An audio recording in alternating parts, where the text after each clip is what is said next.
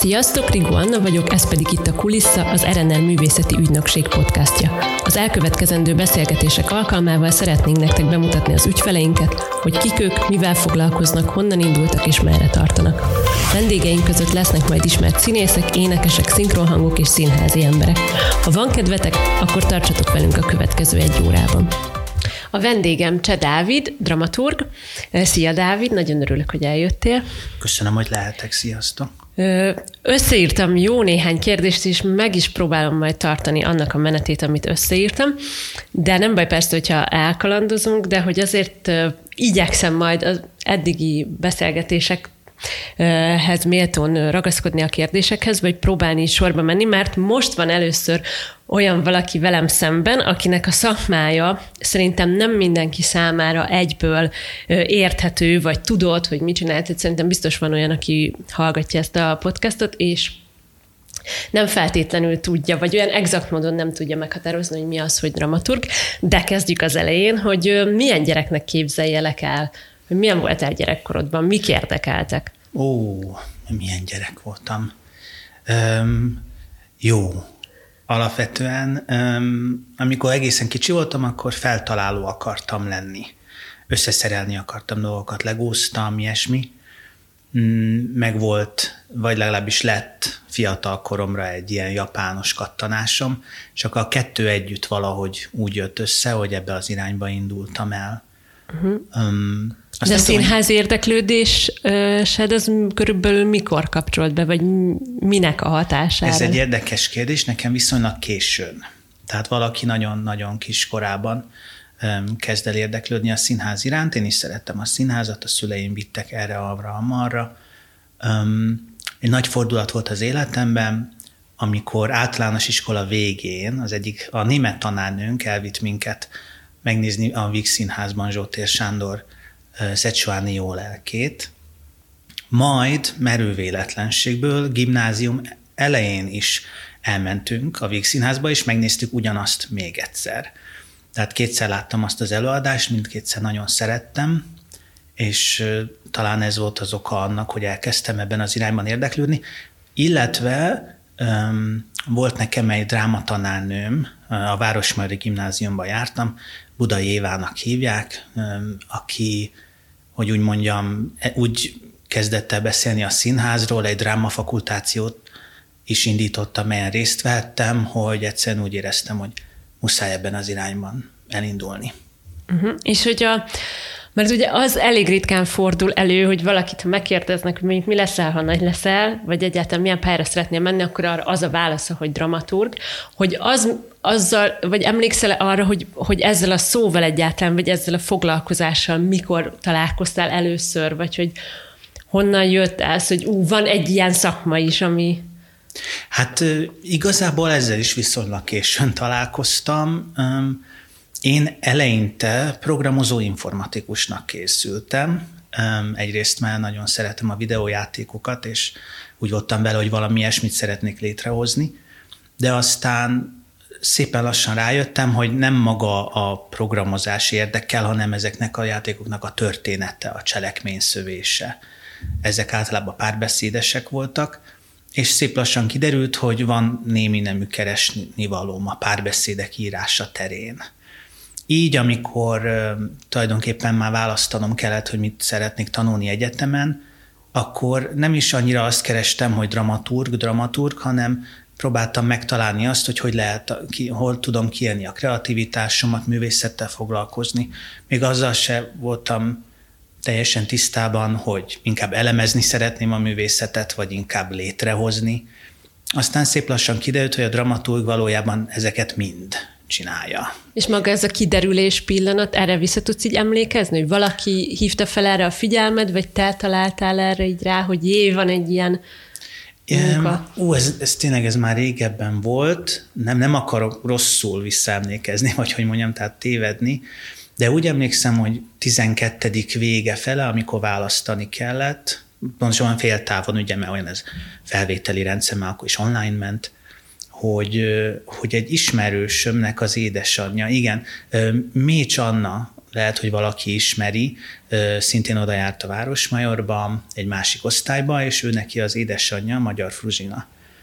És valahogyan összehoztunk egy randit, ahol ő nekem erről az egész szakmáról valamennyit mesélt, és nagyon megtetszett a gondolat. Pechemre abban az évben nem indult dramaturgképzés, de mondom, még egy kicsit bizonytalan is voltam, és ezért inkább az esztétika szakot választottam, amit aztán végig is jártam.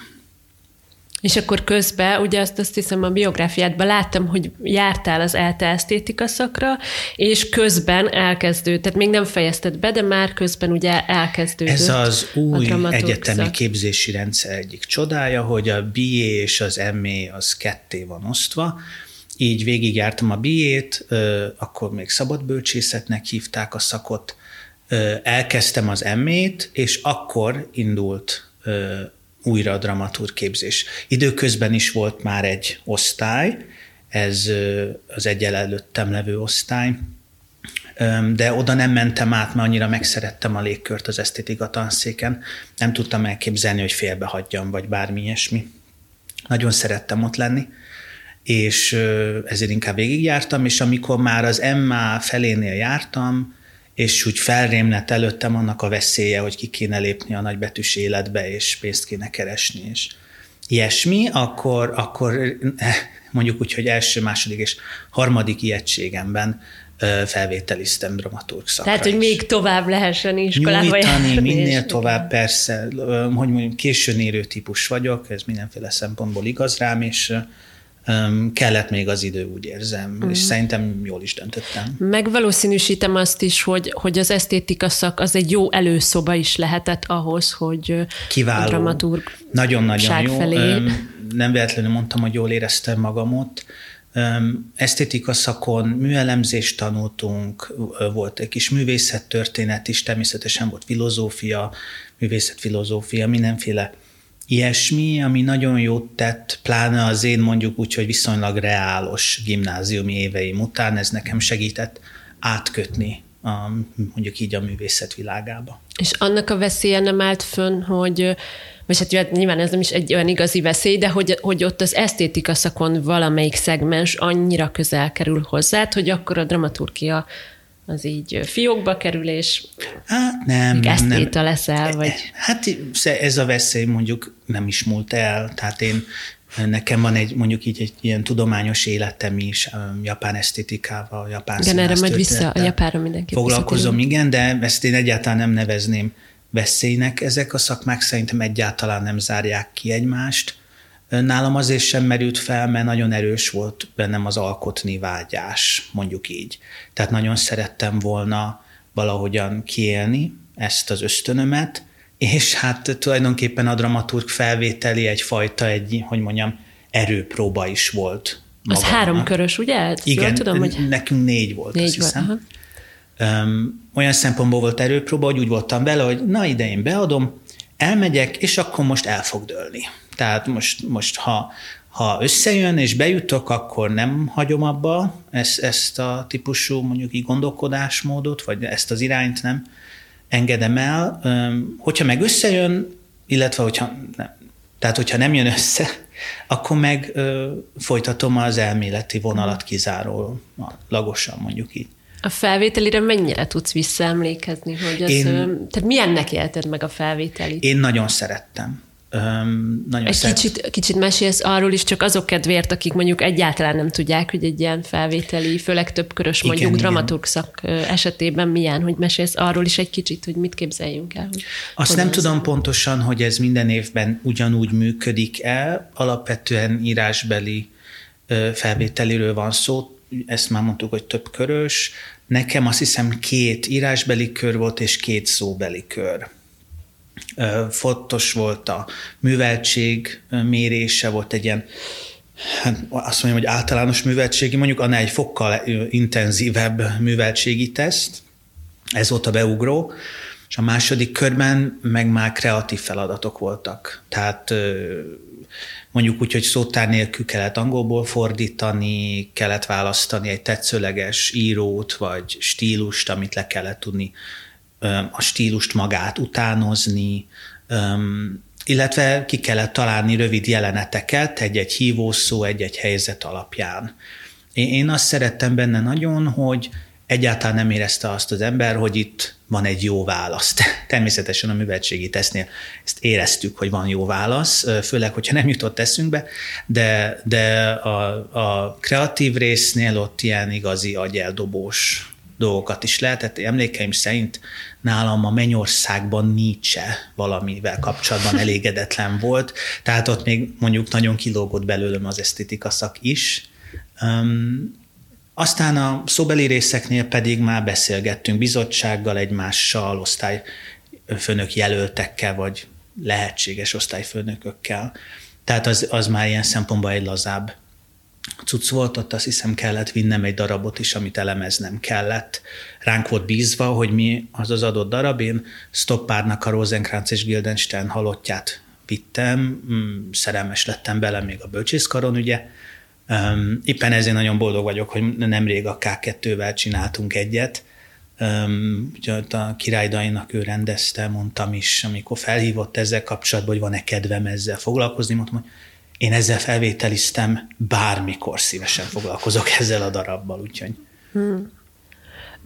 Most ugrani fogok, de annyira adekvát itt, hogy feltegyem ezt a kérdést, pont, hogy így emlí, említed ezt, hogy akkor ezt a Rosenkrantz és Guildenstern darabot vitted, ember ugye bármit lehetett, valószínűsítem, bár lehet, hogy nem így van, hogy ugye a felvételi bizottság azért is adhat ennyire tág lehetőségi kört abban, hogy ugye mit választasz, mert valahol a, a gondolkodásmódot, vagy a személyiség jegyeket is mutatja az, hogy mit választasz, és hogy, hogy itt akarom ezt a kérdést akkor föltenni, hogy hogy az osztálytársaiddal mondjuk mennyire volt az jellemző, hogy vagy mennyire hamar volt érezhető, hogy ki milyen típusú színházban lenne megfelelő, vagy ki milyen típusú ö, alkotói folyamatban erős. Tehát, hogy gondolom nem mindenkiben van meg az a fajta komplexitás, amit igényel a, a dramaturgság, tehát valaki mondjuk inkább jobban fordít, valaki mondjuk nagyon jól ír szövegeket, mm, úgy gondolom, valaki mondjuk improvizációkból tud aztán olyan szövegkönyvet írni, ami, ami jól működik. Igazából szerintem a mi osztályunkban mindenki mondjuk úgy képes mindenre. Tehát egy olyan, olyan csapat jött össze, akik ö, mindenre alkalmasak mindenféle szempontból, és szerintem mindenki jó irányban is indult el. Um, az tulajdonképpen nem is annyira az a kérdés, hogy ez ember miben jó, hanem hogy mivel szeret foglalkozni. Mm.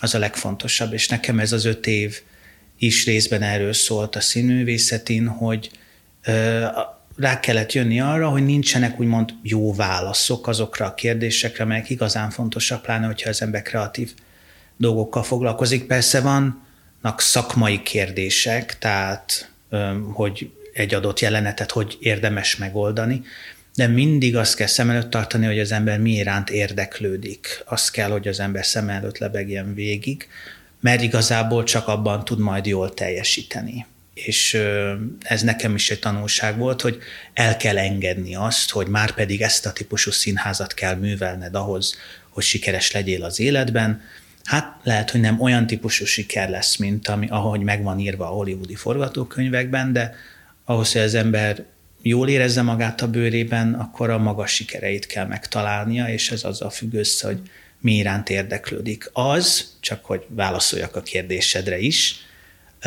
hogy ki mivel, milyen irányban indulhat majd el, az viszonylag hamar kiderült, de van olyan is, hogy teljesen másik irányba ment végül diplomázás után. Ez szerintem azért is lehet, mert ugye maga az egyetem egy nagyon zárt közeg volt, nagyon egymással voltunk elfoglalva, és az ideáinkkal, hogy milyen a színház, nagy S betűvel. És aztán kiléptünk a való életbe, magunkra maradtunk azzal, hogy mi, mivel is szeretnél te foglalkozni és akkor döltek el, hogy ki milyen irányban megy tovább.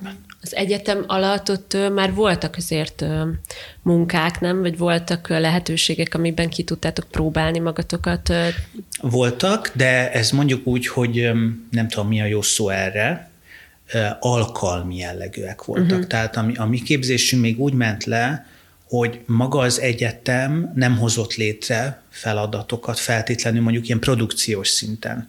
Tehát ö, óráink voltak, természetesen drámaírás kurzus volt, tehát hogy ilyen típusú feladatok voltak, de nem volt egy olyan kurzus mondjuk, ahol egyértelműen hozzárendeltek minket egy produkcióhoz, vagy valami ilyesmi. Egy hosszabb munkafolyamat volt, vagy kettő. Ezt, ezt röviden összefoglalom, mert szerintem a jó oldalára mutat rá a képzésnek. Az egyik, ezt még Radnai Anna Mária, az egyik osztályfőnököm hozta tető alá, hogy a kaposvári színészekkel dolgoztunk együtt, volt egy rövid ilyen workshop jellegű munka, azt hiszem Petörkén, így hívták, Petörkén voltunk lent együtt, és ennek az volt a lényege, hogy mi darabokat fejlesztettünk, egy, azt hiszem egy fél éven keresztül, dolgoztunk a szövegeken, majd összejöttünk ezzel az osztályá, összejöttünk ezzel az osztályjal, és próbálkoztunk a szövegekkel és a színészekkel, ők is, hogy mi mit írtunk, mi rájöttünk, hogy mi mit rontottunk el, mennyire rontottuk el, tehát ez egy nagyon tanulságos munkafolyamat volt, a másik meg nemrég, már, ugye most már az néhány éve kijött egy új Ulysses fordítás, James Joyce ulysses melyhez az egyetemen csináltunk egy ilyen kötet bemutatót, pontosabban nem is a kötetet mutattuk be, hanem a kötetnek egyes részeit, szövegeit dolgoztuk fel, ilyen kisméretű mini előadások, kis performanszok formájába, egy ilyen örök forgó, mondjuk így installáció keretében, és akkor az is izgalmas volt, mert akkor a velünk párhuzamos színészosztályjal, a, a hegedűs, forgács, Márton osztályjal tudtunk együtt dolgozni, és ez is jó volt. Egyébként, hogy megint válaszoljak direktben a kérdésedre, én nekem a legtöbb munkám az már szakmai gyakorlaton jött össze, tehát ugye ez nem az egyetemen volt, engem Kis Csaba, akkori igazgató elvitt a Miskolci Nemzeti uh-huh. Színházba, és akkor teher alatt nő a pálma alapon, gyakorlatilag mindenben kipróbálhattam magamat, tehát a szórólap korrektúrától az elő, a mini előadás, vagy mondjuk így a legkisebb játszóhelyen voltak kis előadásocskák, ott egészen rendezésig mindenféle feladataim lettek. És ezt tudod el, hogy a kis Csaba miért téged választott, vagy hogy hogy lett ez a, ez a megtalálás? Erről nem beszéltünk.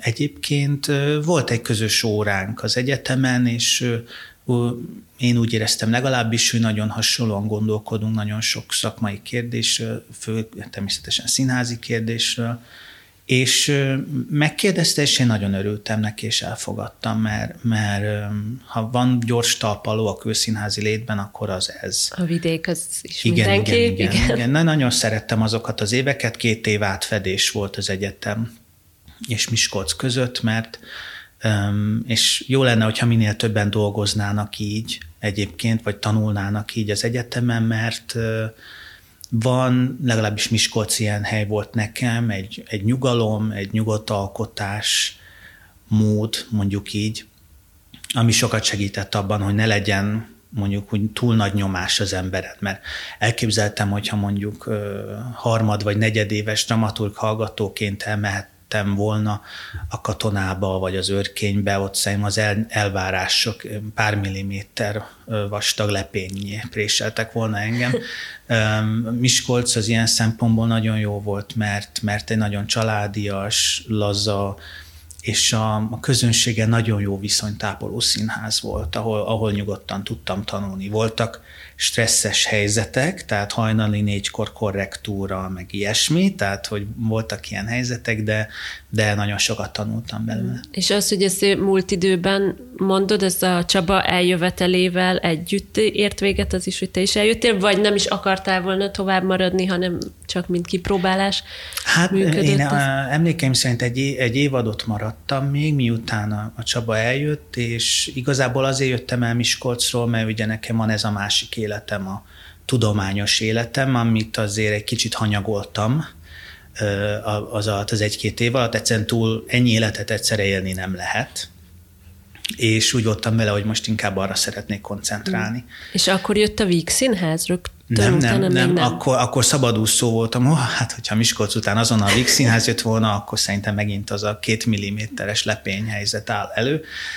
Nem, az történt, hogy szabadúszó lettem, van pár alkotótársam, akikkel rendszeresen dolgozok együtt, és volt időm egy kicsit a tudományjal is többet foglalkozni, úgyhogy sikerült elmennem Japánba is, Tokióban töltöttem egy fél évet, ahol a doktorimmal foglalkoztam. Mm úgyhogy az, az is mondjuk így, hogy uh-huh. jó volt. Jó, be, bekapcsolom akkor itt ezt a topikot, mert hogy már ugye többször itt utaltál erre a tudományos énedre, meg létezésre, meg hogy ugye most Japánt is említetted, meg említetted ugye azt is, hogy már gyerekkorodtól volt egy, egy ilyen kattanásod, hogy mesélsz akkor erről is, hogy, hogy honnan jött a japán nyelv szeretete, vagy a kultúra iránti fogékonyság, illetve akkor ebbe bekapcsolva ilyen japán élményeidet az utazásról is megosztasz. Hát persze, na, nagyon szívesen. Nekem ez az egész terület egy alapvetően fontos része az életemnek, teljesen egyenrangú a dramaturgi, mondjuk így életemmel, valamikor fontosabb is. Tehát szerintem azért is jó, nekem ez a szabadúszó létforma, ahogy most működök.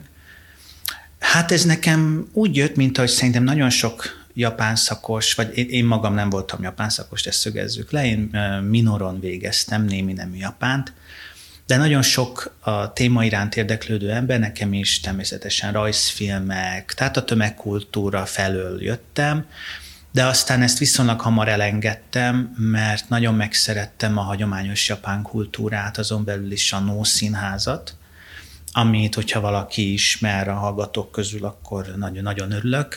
Ez egy középkori színjátékforma Japánból, tulajdonképpen egy misztériumjáték, ami valami olyat tud, ami, amivel azóta is foglalkoznom kell, van bennem egy ilyen, egy ilyen érzés, hogy foglalkoznom kell vele, hogy me, me, tudnom kell megérteni, ezt a műfajt, és nagyon sokat segített abban is, hogy a saját a dramaturgi munkáimban hogyan tájékozódok, hogyan haladok előre. Tehát a hagyományos japán kultúra érdekelt nagyon, a nyelv, egészen pontosan még a nyelvtan is. Ez egy, ez egy nagyon különleges nyelv a japán. Amit De ezzel az egyetemen találkoztál a japán nyelvvel először? Hát már korábban is találkoztam vele, ilyen autodidakta módon uh-huh. tanultam is. Én szerencsés vagyok, mert gyerekként külföldön éltünk a családommal viszonylag hosszan az Egyesült Államokban, úgyhogy az angol nagyjából magamba szívtam, aztán angolul elkezdtem japánul tanulni szabadidőmben, de mondjuk úgy, hogy rendszeres tanulás, vagy egy ilyen rendszerezett tanulás, az nagyjából az, egy, az az egyetemen volt, igen, ahol a japán szakosokkal jártam együtt, mondjuk így félig kibicként be, belopóztam az órákra, és nagyon, és halálosan szerelmes lettem bele. Tehát mind, mind ezek mind össze, mondjuk úgy, hogy összejátszottak abban, hogy kicsit foglalkozzak ezzel a kultúrával, illetve többet.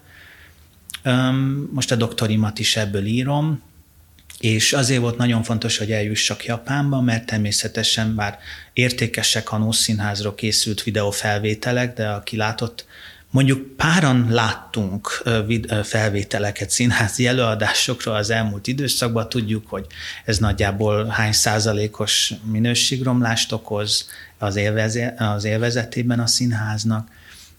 Ezért fontos volt, hogy mielőtt az ember leül egy doktorit megírni, akkor azért lásson élőben nószínházat. El is jutottam, szerencsére láttam viszonylag sokat, um, ahol szembesültem egy csomó más problémával, mint amivel korábban mondjuk papíron szembesültem. Jó értelemben probléma persze. Um, ritmikai kérdésekkel foglalkozom, ami végképp nem érzékelhető felvételen, de amikor az ember ott ül a nézőtéren, és elkezdenek a kézi dobosok játszani, és dobbant a, a, a ste, az a főszereplő, vagy fő szerepet vívő mondjuk így szereptípus a nóban, dobbant a színpadon, annak van egy nagyon mély, visszhangzó, erős hangja, hogy az ember a melkasában is érez, akkor tudja, hogy azért valamivel közelebb került a műfajhoz, mint ahogy Budapestről látta korábban. Erre mind szükségem volt ahhoz, hogy tovább menjek a kutatásomba.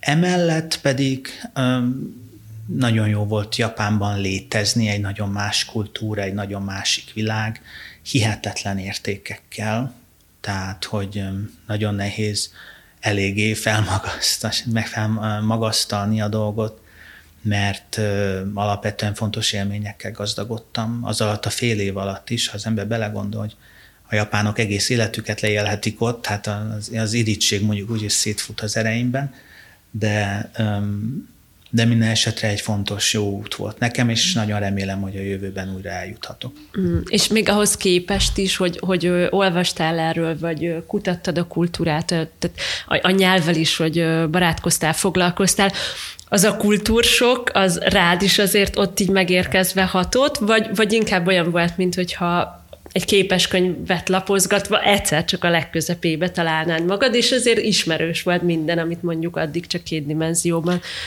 fogtál. Hát kultúrsokról szerintem nem tudunk beszélni, mert már korábban is voltam Japánban, volt egy családi utazásunk, édesapám szintén kutató konferenciákra járt, és elcipelt magával minket is, tehát már voltam korábban Kiotóban, tehát ha volt sok, akkor ott történt, bár akkor még kisebb voltam.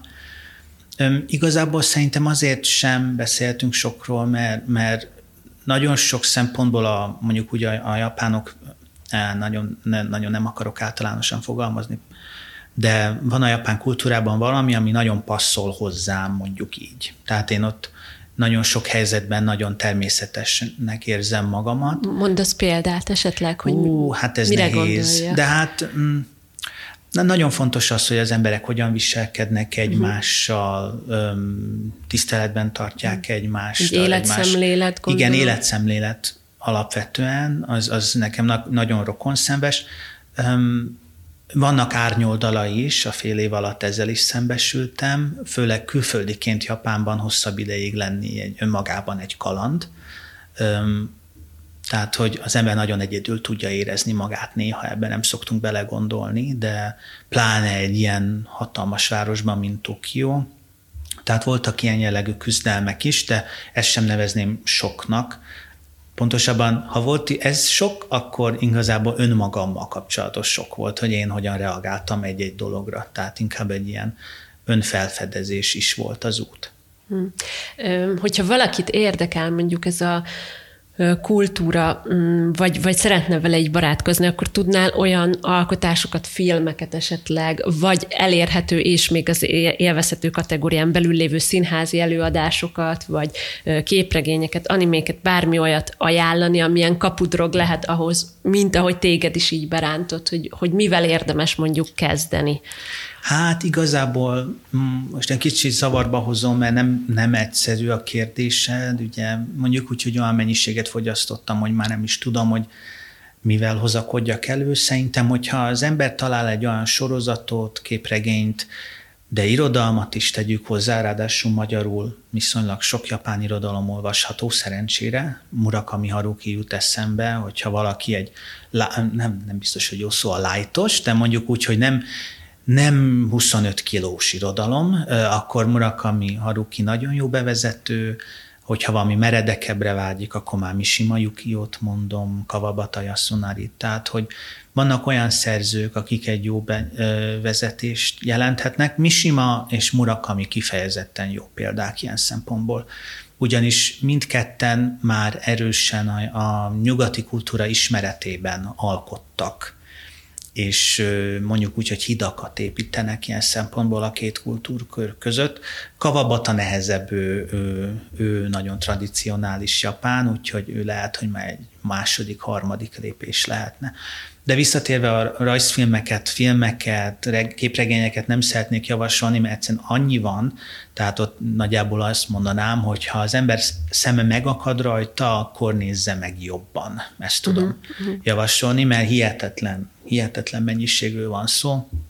Természetesen nagy minőségbeli különbségek is vannak, tehát művészi igényű képregényekről, vagy úgynevezett mangákról is tudunk beszélni a japán kultúrában, de az is mondjuk egy haladó szint, valaki a Narutóval kezd, de aztán eljut van például egy csodálatos sorozata, a Showa Genroku Rakugo Shinju című sor, manga, illetve anime is lett belőle, amiben rakugó színészekről van szó. A rakugó az is egy hagyományos japán előadó művészeti forma, egy ilyen ülve előadott stand-up comedy leginkább, történetet mesél egy mesélő színész, mind a két szó jó rá, és egy manga készült abból, hogy ezek a rakogó színészek hogyan dolgoznak, hogy mi a képzésük, miket adnak elő. Tehát, hogy hihetetlen sok mindenhez hozzáfér az ember a japán kultúrával kapcsolatban,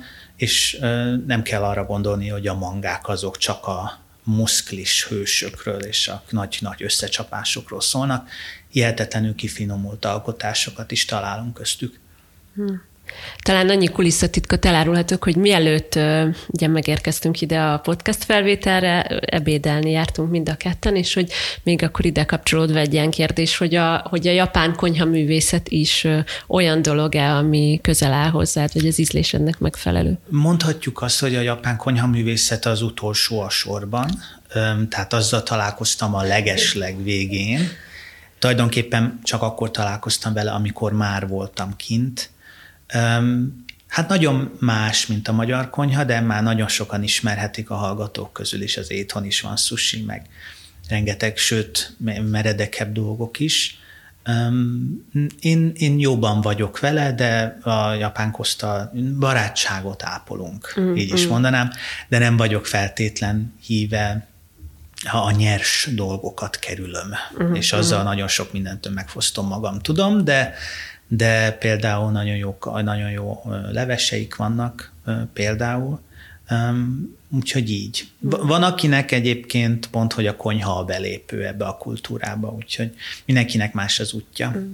Még itt a japán témánál maradva, hogy most ugye a horvát csabáék dolgozol együtt, hogyha jól tudom, vagy legalábbis, hogy ők ugye fordításaidat igen, használják. Igen, igen, ezek fordítások. Ezek Teljesen a... tőlem függetlenül jött létre a produkció, nagyon örültem neki, mert vég, vég, egy olyan dolog, amit nem nekem kell tolni, annyira örültem neki, hogy valaki önszántából hozzányúl ezekhez az anyagokhoz. És akkor erről mesélsz egy kicsit, hogy az történt, hogy te lefordítottad ezeket a szövegeket, és a Csaba pedig megtalálta ezt valahol, vagy valahol hallotta, hogy hogy ennek már készült magyar fordítása általad is. Igen, ez, ez, ez úgy jött össze nagyjából, ahogy én emlékszem legalábbis, hogy még az egyetemre jártam, amikor megkeresett Jánbor József, a, a, a dramaturg, most már inkább színész, hogy esetleg dolgozzunk együtt egy, a Misima köteten, amelyen, amelyen ő dolgozott akkor, azt hiszem a doktoria kapcsán állította össze a kötetet.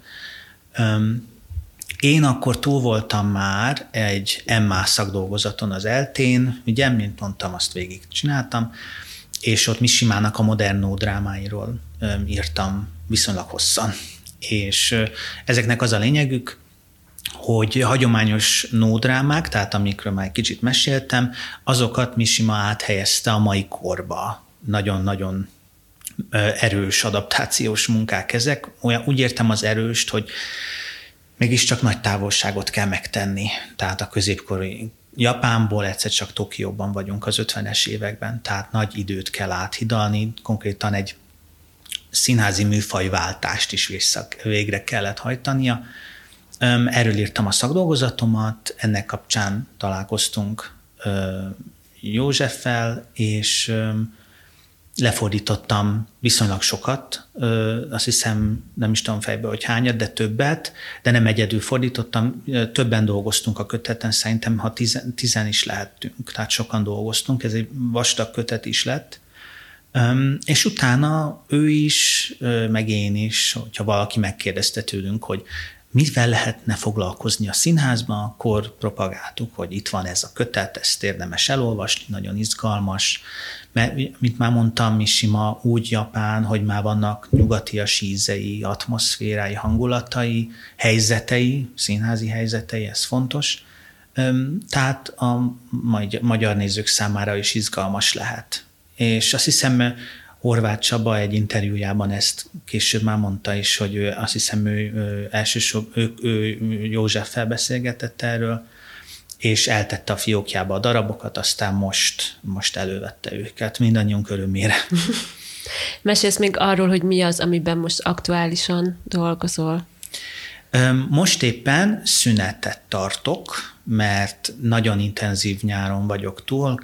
Két bemutatóm is volt Blaskó Borbálával, a Hesszelők és a Gráne képzelgések a Pergünt nyomán, mindkettő a Betlentéri Színházban volt, nagyon régóta együtt dolgozok, már Miskolc óta együtt dolgozok Kulcsár Noémivel, vele is volt, bemutatom tavasszal is, most nyáron is, Egerben, az Ahogy tetsziket csinálták meg, ezek mind lementek, ugye említettem a K2-vel a Rosenkrancot is, tehát nagyon sok munkám volt nyáron, ugye megjöttünk a Covid-ból, és mindenkinek eszébe jutott, hogy mi lenne, hogyha dolgoznánk. Most ősszel ilyen szempontból lazább, de nem is baj, mert szerencsére nyertem egy pályázatot a Nemzeti Kulturális Alapnál, és nódrámákat fordítok most ősszel, illetve télen ez a terv. Uh-huh. Úgyhogy ezzel foglalkozunk. Tavasszal lesz több bemutató, de hát addig még annyi víz lefolyik a Dunán, hogy az jut eszembe, Dávid, így hirtelen, hallgatva, amiket mondtál, meg hogy mennyiféle dolgot olvasol, mennyiféle dologban vagy benne, hogy van-e olyan, hogy te csak úgy a szabadidődben leveszel egy könyvet, és csak az olvasás öröméért olvasod, vagy rögtön már akkor eszedbe jut, hogy ezt ki kell lehetne megcsinálni, milyen formába kerülhetne színpadra? Vagy, vagy tudsz úgy is olvasni, hogy azt csak szimplán hát, elolvasod? Hát, esetemben ez nem olyan egyszerű, mert ugye folyamatosan az ember dolgozik ezen azon Amazon, folyamatosan olvas, és legalábbis ez volt a tapasztalatom az elmúlt időben, nincs idő úgy keresni darabot, hogy mondjuk úgy, hogy tét nélkül. Tehát a, olyan gyakran van, hogy egy rendező megkérdezi, hogy, akkor elmondom, hogy mi jut eszembe, ezek mondjuk nem tetszenek neki, akkor elkezdek az alapján, hogy ő milyen feltételeket sorol fel, hol, mikor, kit, hogyan, miért, miért ne, stb. Az alapján elkezdek keresni. Vannak olyan kollégák, akik ilyen szempontból szerencsésebb alkatúak, akik képesek folyamatosan lepkehálóval a kézben járni, kelni az életben, tehát folyamatosan anyagot tudnak gyűjteni, esetemben ez nehezebb, szerintem részben azért is, amit már mondtam, hogy sok életet élek, tehát amikor éppen nincsen színházi melóm, akkor mondjuk úgy, hogy nem színházi anyagokat böngészek, hanem akkor a másik életeimet élem, tehát nódrámákat olvasok, tanulmányokat olvasok, írom a disszertációmat, most egy tanulmányon kezdtem el dolgozni, tehát hogy, hogy nincs időm úgy tét nélkül keresgélni, mint ahogy korábban mondtam, Egyébként meg, hogyha olvasok, akkor meg mondjuk úgy, hogy szórakozni olvasok. És akkor maradjunk ennyiben. akkor ne, ne is kérdezzek, vagy ne is firtassam, hogy mondjuk mi lehet az, Nem, nem, van, van félig viccelek persze, de hát hogyha kikapcsolódni olvasok, akkor az egy kicsit behatárolja, hogy mi, mi az, amit leveszek a polcról, pusztán erről van szó. Mm. Az érdekelne még nagyon, Dávid, hogy Ugye említetted már egészen az interjú elején, hogy, hogy a számítógépes játékok tekintetében az derült ki, hogy, hogy neked megy a párbeszédírás, vagy a történetek felfejtése. Olyasmin jár-e az eszed, vagy járt-e, vagy fog-e hogy mondjuk írj egy regényt akár, vagy drámákat ír, tehát amik nem fordítások, hanem amik mondjuk az elejétől a végéig, az te vagy. Még gimnáziumba jártam, amikor elkezdtem ezzel mondjuk úgy, hogy gond, ezen gondolkodni, hogy irodalommal foglalkozni, írni, és akkor beneveztem egy novella író pályázatra. Nem tudom, hogy ez még most is van-e egyébként. Bejutottam egy ilyen irodalmi táborba, de ez nem, nem a József Attila kör volt, ez valami más volt, de most nem jut eszembe, mert ez régen volt. De elmentünk Sárvárra, és akkor több ember, több ember és összeismerkedtem, foglalkoztunk a szövegekkel, és ott kaptam egy ilyen visszajelzést, ami nagyon velem maradt, hogy azt hiszem valami külön díjat is kaptam, hogy a párbeszéd technika, a párbeszéd technika. És akkor ezt úgy magammal hoztam, mint tanulság, és utána jött ez a drámafaktos fordulat a gimnáziumban. Tehát ez a két dolog jött össze ebben az irányban. Mondjuk úgy, hogy, hogy pozitívabb dolgok történtek velem az életben, amikor színházi szövegekkel foglalkoztam, tehát írtam novellákat, próbálkoztam, mondjuk így, de ezek próbálkozások maradtak. Ami a darabírást illeti, ott, ott tulajdonképpen azért már túl vagyok pár szövegem, mert ugye ezt nem sokan tudják, de a dramaturg nem csak abból áll, hogy szövegekből húz ki részeket, vagy szövegeket gyűjt össze egy példányával, amikor írunk. És például Kulcsár mi, akit már említettem, ő vele az volt az egyik, azt hiszem a második közös munkánk Miskolcon, hogy ő gyakorlatilag bármit csinálhatott a Csarnok nevű játszóhelyen. És akkor azt mondta, hogy ő szeretne színészekkel dolgozni, ő szeretne szöveget, de nem szeretne kész darabot.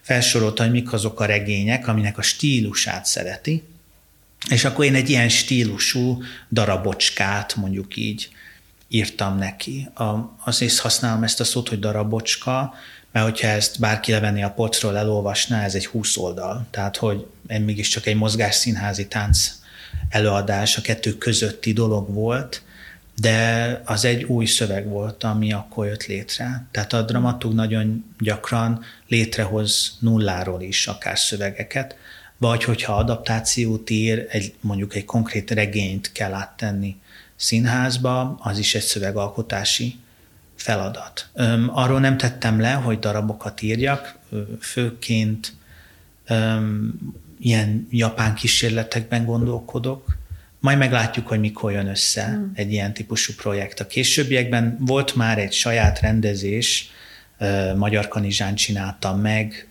még a színműn volt egy tudományos diákodi konferencia anyagom, ahol szerintem senki nem értette, hogy mit csináltam, a, vagy hát mindenki értette, most macska körmöztem a levegőbe, a, a Médea történetet no színházi formában újraírtam, tehát egy no darabot írtam, magyarul írtam meg, mert természetesen a Médea mítosz alapján.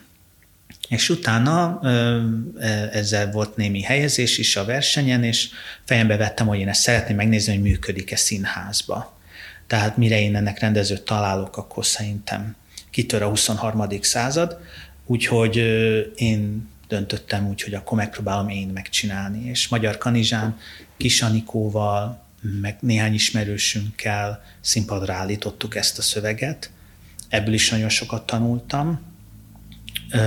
Tehát, hogy ilyen jellegű próbálkozások vannak nagyon izgalmasan hangzik, és azt hiszem, legalábbis remélem, de mondjuk akkor ilyen kommentek formájában meg lehet majd írni, hogy ezt a dramaturgságot, vagy egyáltalán, hogy ez miről szól, milyen fogaskereke egy színházi alkotó folyamatnak, azt hiszem, hogy ezt valamelyes sikerült körbejárnunk, de szavazni is lehet, hogy folytassuk-e még majd Dáviddal a beszélgetést egy következő alkalommal, mert azt hiszem, hogy akár a No Színház, vagy annak ez a magyarítása is mindenképpen megérne egy témát, vagy akár az is, hogy, a, hogy az erős fizikai színházzal, vagy táncszínházzal mennyire tud a te gondolkodásod a No miatt így mm, jobban működni akár, mint egy szövegközpontúbb dramaturg agynak.